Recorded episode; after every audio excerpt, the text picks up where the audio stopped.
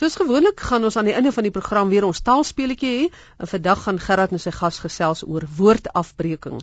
Maar eers gesels ek en die taalkenner, taalkokkedoor en sommer net iemand wat alles weet van die betekenis van woorde en uitdrukkings, Dr Anton Prinsloo oor sekere betekenisse van uitdrukkings in 16de eeuse Nederlands.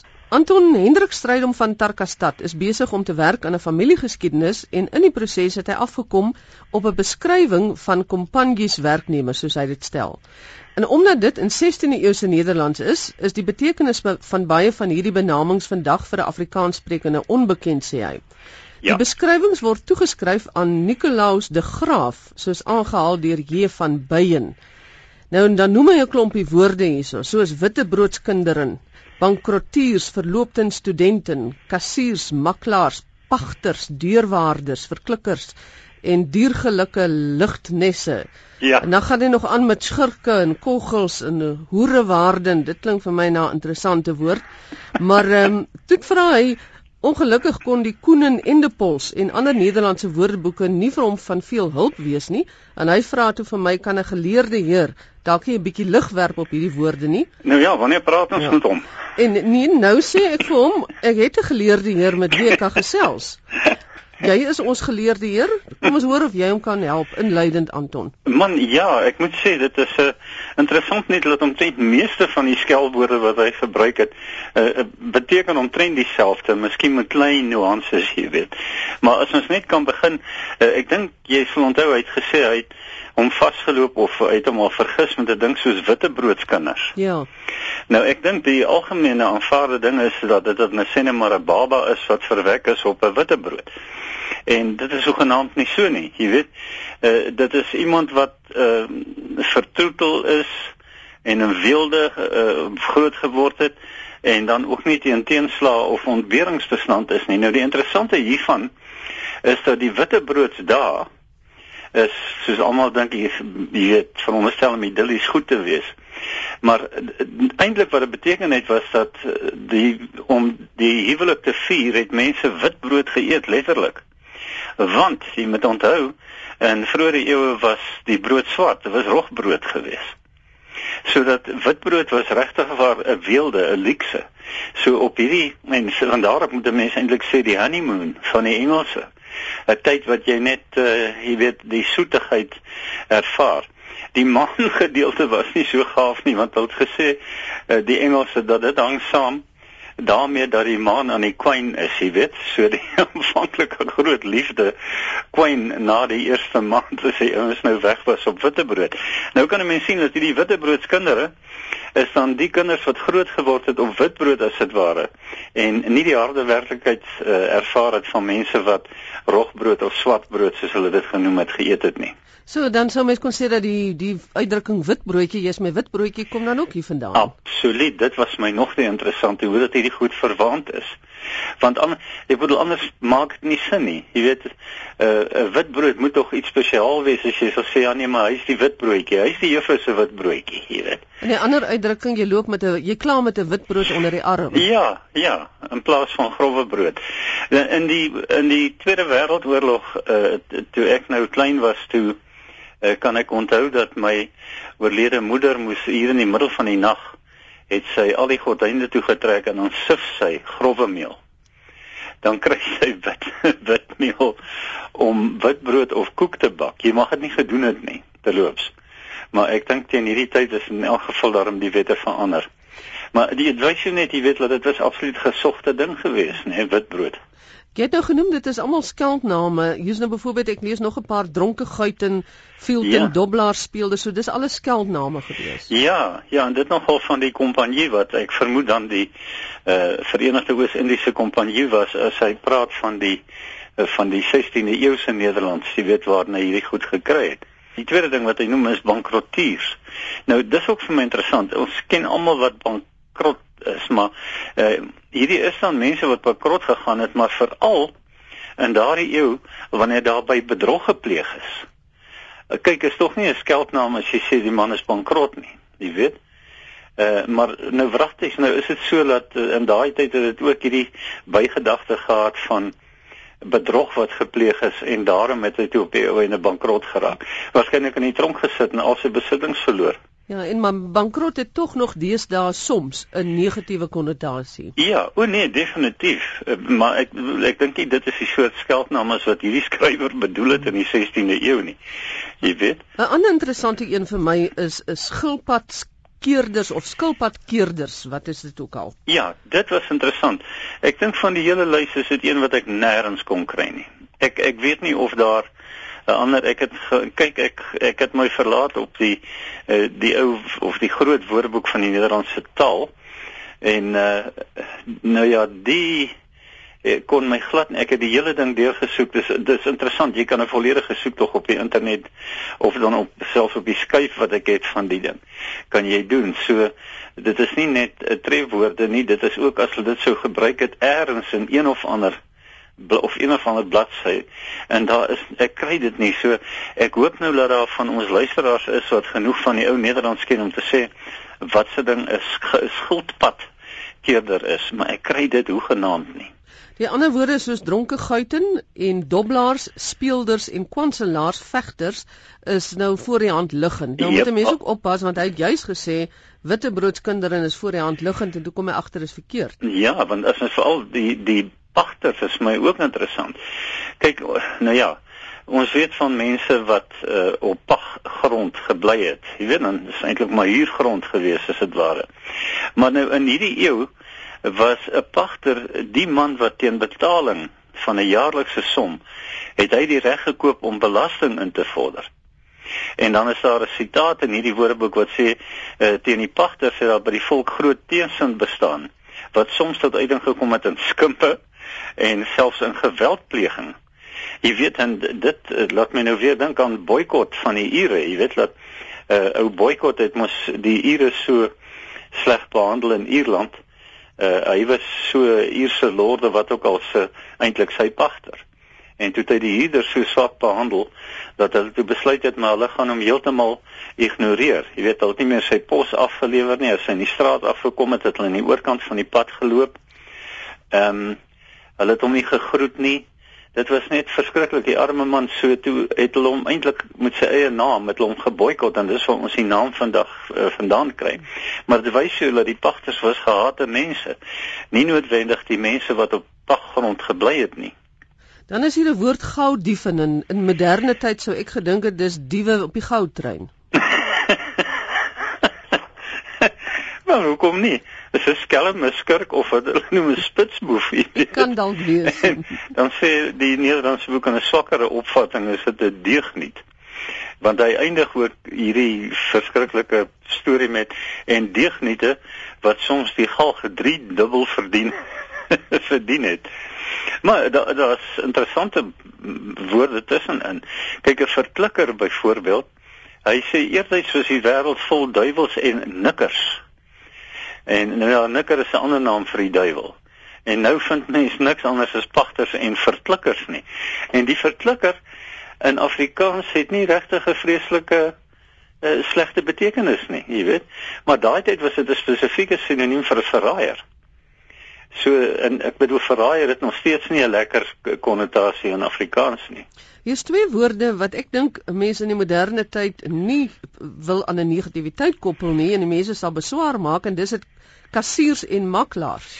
Ja, goed, die kassiers dink ek nie is 'n probleem nie, maar die makelaar. Ha, jong, en dit is gevaarlik om dit vandag te sê. Nou moet jy oppas, Anton. ja, die makelaar se ou betekenis was 'n koppelaar. Met ander woorde, persoon, veral manlik dan, wat gewoonlik teen vergoeding uh ontug tussen ander persone bewerkstellig het deur die geleentheid daarvoor te reël of die plek daarvoor te voorsien of hulle daartoe te ooreed om mans te verlei. Nou ja, ons ken die Engelse woord is pimp, jy weet. En die mooi Afrikaanse woord is 'n koppelaar, die ou koppel dus nou die twee geslagte. En dit was 'n makelaar in die ou tyd. Net soos wat 'n uh, sê net maar 'n finansiële of 'n versekeringsmakelaar vandag twee partye bymekaar bring. Ek dink dit is as ek nou maar moet raai want jy weet hoe min weet ek van finansies. So ons moet nou net duidelik maak makelaar is nie 'n pimp nie.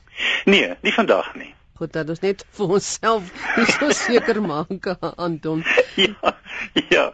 Dan is hier nog twee woorde wat ek gou by jou wil hoor en ja. dit is hoerewaarden wat ja. vir my maar baie baie erg sleg sê uh, um na klink en dan plugge. Ja.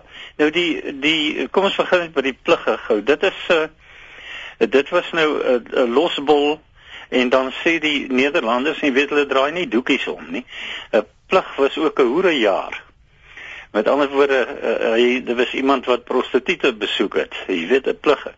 En dan daardie hoerewaarden uh dit is 'n sinoniem van 'n ander woord wat meneer Stadium ook ingestuur het en dit is 'n koggel. En dit is ook 'n koppelaar. Dus ek moet jou sê 'n klompie van hierdie goed is heeltemal verwant. Want ons nou gehad makelaars en hier het ons nou byvoorbeeld dan 'n uh, koggel en ons het ook die hoerewaarden. Hulle het almal te doen met uh, prostitusie. Anton en so kan ons aanhou praat oor 'n hele klomp woorde. Al wat ek nou kan aflei is dat jy, jy hierdie paragraaf vir iemand lees, dan sê jy iemand behoorlik sleg. ja. Ja, nee, daar is nie geen twyfel daaraan nie want uh, soos ek sê, ek weet nie uh, wie, uh, nee ja, dit is oorvertel of neergeskryf deur iemand, maar hulle het skynbaar baie ervaring gehad van die kompanjieswerknemers van die 16de eeu. Anton om af te sluit, ek kry baie navrae van mense wat wil weet wat is die herkoms van woorde of van uitdrukkings en uh, ook ander taal navrae vir betekenisse van woorde. En daar's ja. min sulke boeke eh, in Afrikaans beskikbaar en ek weet jy's een van die enigstes indien nie die enigste nie wat gereeld hierdie tipe van boeke skryf nie. Wil jy nie net gou vir ons sê Watter van jou boeke wat beskikbaar is, gaan byvoorbeeld oor die herkoms of die betekenis van woorde en uitdrukkings? Ja. Die jammerte is eintlik dat uh, feite flater fiksie wat ek 2001 gepubliseer het, 'n dies uitdruk. Uh, maar ek vermoed dat mense sou seker daarom nog ergens 'n biblioteek te vind kry. En dan was natuurlik spreekwoorde en waar hulle vandaan kom. Nou die 2004 uitgawe ehm um, het ek toe bygewerk op uh die versoek van die uitgewers. Dit in 2009 verskyn die tweede uitgawe en daarin was nog so ekstra 500 herkomste ook van spreekwoorde wat ek toe nog gekry het. Ek het toe weer gaan navorsing doen oor die hele lot, veral ook nou met ou Nederlandse bronne. Dis hoekom ek hier sit en maak asof ek iets van Nederlands weet. Jy weet, er kom alles uit boeke uit.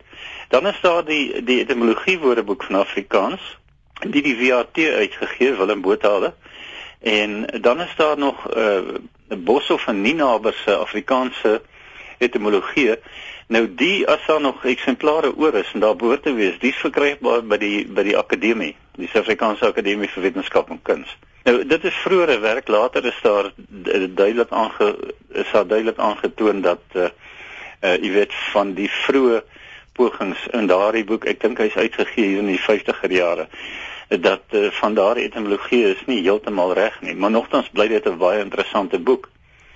Nou ja, en dan Maglen wat ek altyd sê is ek sit nog met 12000 etimologieë wat ek nog ergens wil publiseer, publiseer as ek genoeg tyd het nog, jy weet. Sê vir my die die aap in my koffie, dit het ook te doen met die herkoms of betekenis van woorde, né? Dis ja, meer onlangs daarvan en dit is dis dit het verlede jaar verskyn. Die aap in jou koffie en dit is uh, wat ons noem eponieme. Met ander woorde, dis nou woorde wat gevorm is van die name van persone, dis die eng definisie. En andersins dink ons ook aan die name wat gevorm is soos uh, van plekke byvoorbeeld. Nou ek het nou ons het net so ietsie gesê oor boikot. En om iemand te boikot is baie duidelike eponiem daai boikot want dit kom van Charles Boycott die ou wat die mense so sleg behandel het. Ja nee, definitief ja, op jou koffie daar is daar is 'n uh, eh, Man, ek weet nie, ek kan nou nie vir jou sê hoeveel honderde van die goed het ek behandel daarin nie. Maar jy gaan ook binnekort weer 'n boek stuur na die uitgewers toe, maar ons gaan nie die aap uit die mou laat nou nie.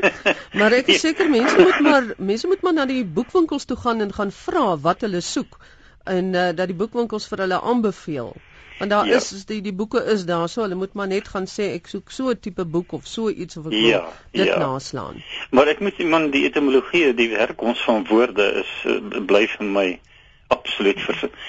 Uh, wat is die woord? Ek bedoel dit dit dit, dit betower my. Jy weet dat dat 'n mens nie besef jy weet hoe daai dinge verander het nie. Uh so kyk wie kom ons kom net terug hierdie makelaar toe. 'n Mens sal mos nou baie maklik ons heg die hedendaagse betekenis daaraan.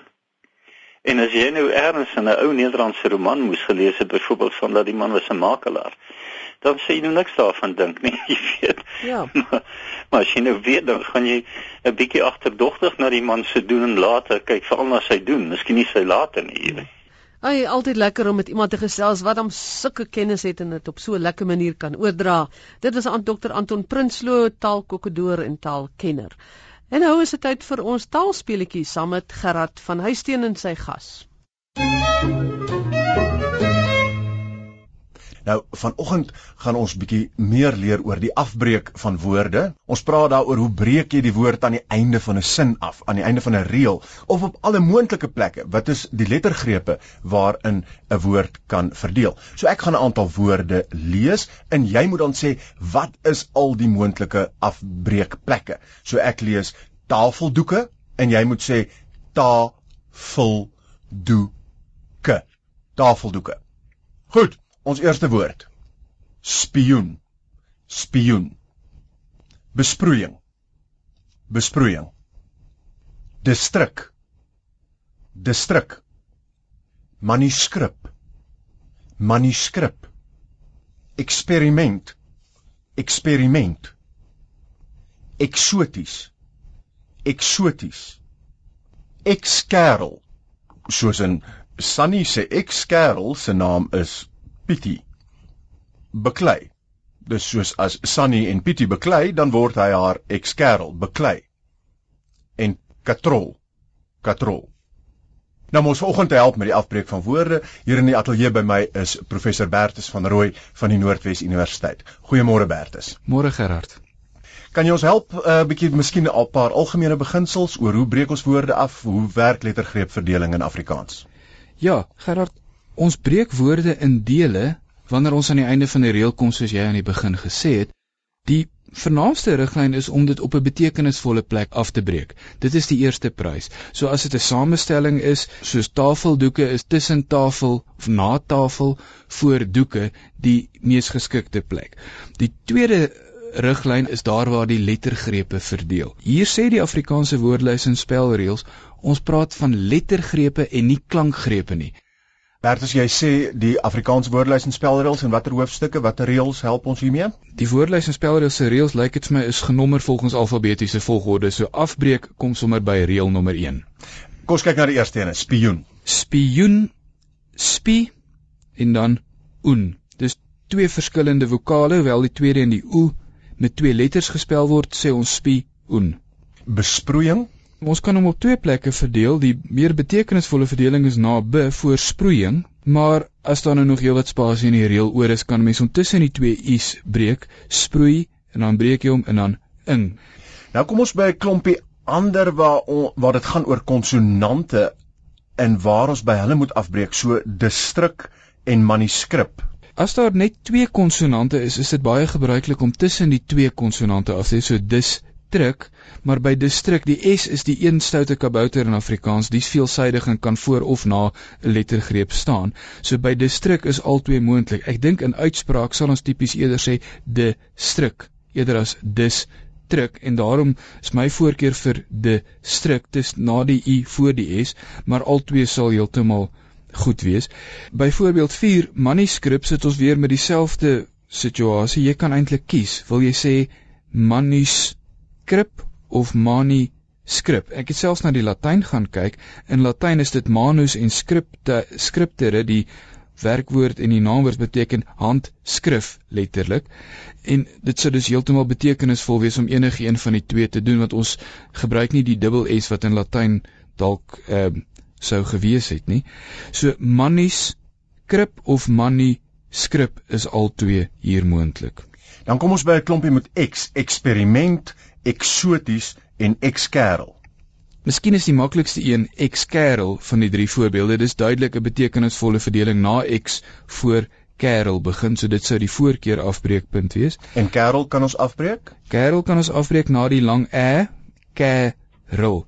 As ons dus 'n keuse het met een konsonant, is dit tipies kerel en nooit kerl nie. Dit is gewoon nie hoe ons in Afrikaans dit ooit uitspreek nie by eksperiment dus na x experiment sou heeltemal 'n goeie verdeling of expe en dan rement is nog 'n moontlikheid en die laaste moontlikheid experi en dan ment heel aan die einde. Eksoties sou eintlik heel gemaklik ek so ties verdeel. Dis ons dit gaan uitspreek en in die geval van eksoties is die x nie van Latyn afkomstig dat ons nou wou sê hier's 'n betekenisvolle deel wat ons aan mekaar wil hou nie. Dis gewoon uit Grieks afkomstig. Ek so ties is dis 'n goeie verdeling daar. Ek sou nie kon sê ek experiment nie. Experiment sou mens sekerlik kon sê want jy wil verdeel tussen die k en die s, maar omdat in die geval die Latyn tog wel x is, versteur jy nou die betekenisvolheid en dan is dit minder gewens. En wat is die Latynse agtergrond van eksperiment? X weer Latyn wat dikwels in Afrikaans met uit vertaal kan word en dan die werkwoord wat beteken kyk, wat jy ook in iets soos periskoop kry. Dit beteken iets soos om te kyk of om te loer. So om iets mooi deur te kyk is wat jy tipies met 'n eksperiment behoort te doen. Die laaste twee. Die laaste twee voorbeelde illustreer 'n algemene riglyn in Afrikaans en in die spesifieke gevalle as ons nie by die riglyn hou nie skep ons verwarring. As ons 'n l of 'n r, die l of die r klanke het na 'n ander konsonant, spreek ons hulle in Afrikaans altyd gekombineer met die vorige konsonant uit. Dus ons wil nie sê bak, lei of kat, rol nie. Ons spreek dit nie so uit nie. Ons sê daarom ba, klei en ka, trol. So ons skuif al twee konsonante na die tweede lettergreep toe en ons breek af na die vokaal van die eerste lettergreep. En ons sal natuurlik katrol net afbreek tussen die T en die R as ons verwys na ietsie wat jou kat doen oulik met 'n stukkie garing of so dis 'n katrol, maar dis dan ietsie anders as 'n katrol. Of 'n spesiale karate of balletposisie wat die kat dan uitvoer, die kat rol. Maar dit is inderdaad dan 'n ander betekenis. Baie dankie Bertus. Totsiens Gerard. Dit was professor Bertus van Rooi van die Noordwes Universiteit wat met ons gesels het oor lettergreepverdeling in Afrikaans. As jy enige vrae het, stuur gerus my e-pos by taalvraag@rsg.co.za. Ek is Gerard van Huisteen en groet tot 'n volgende keer. Totsiens.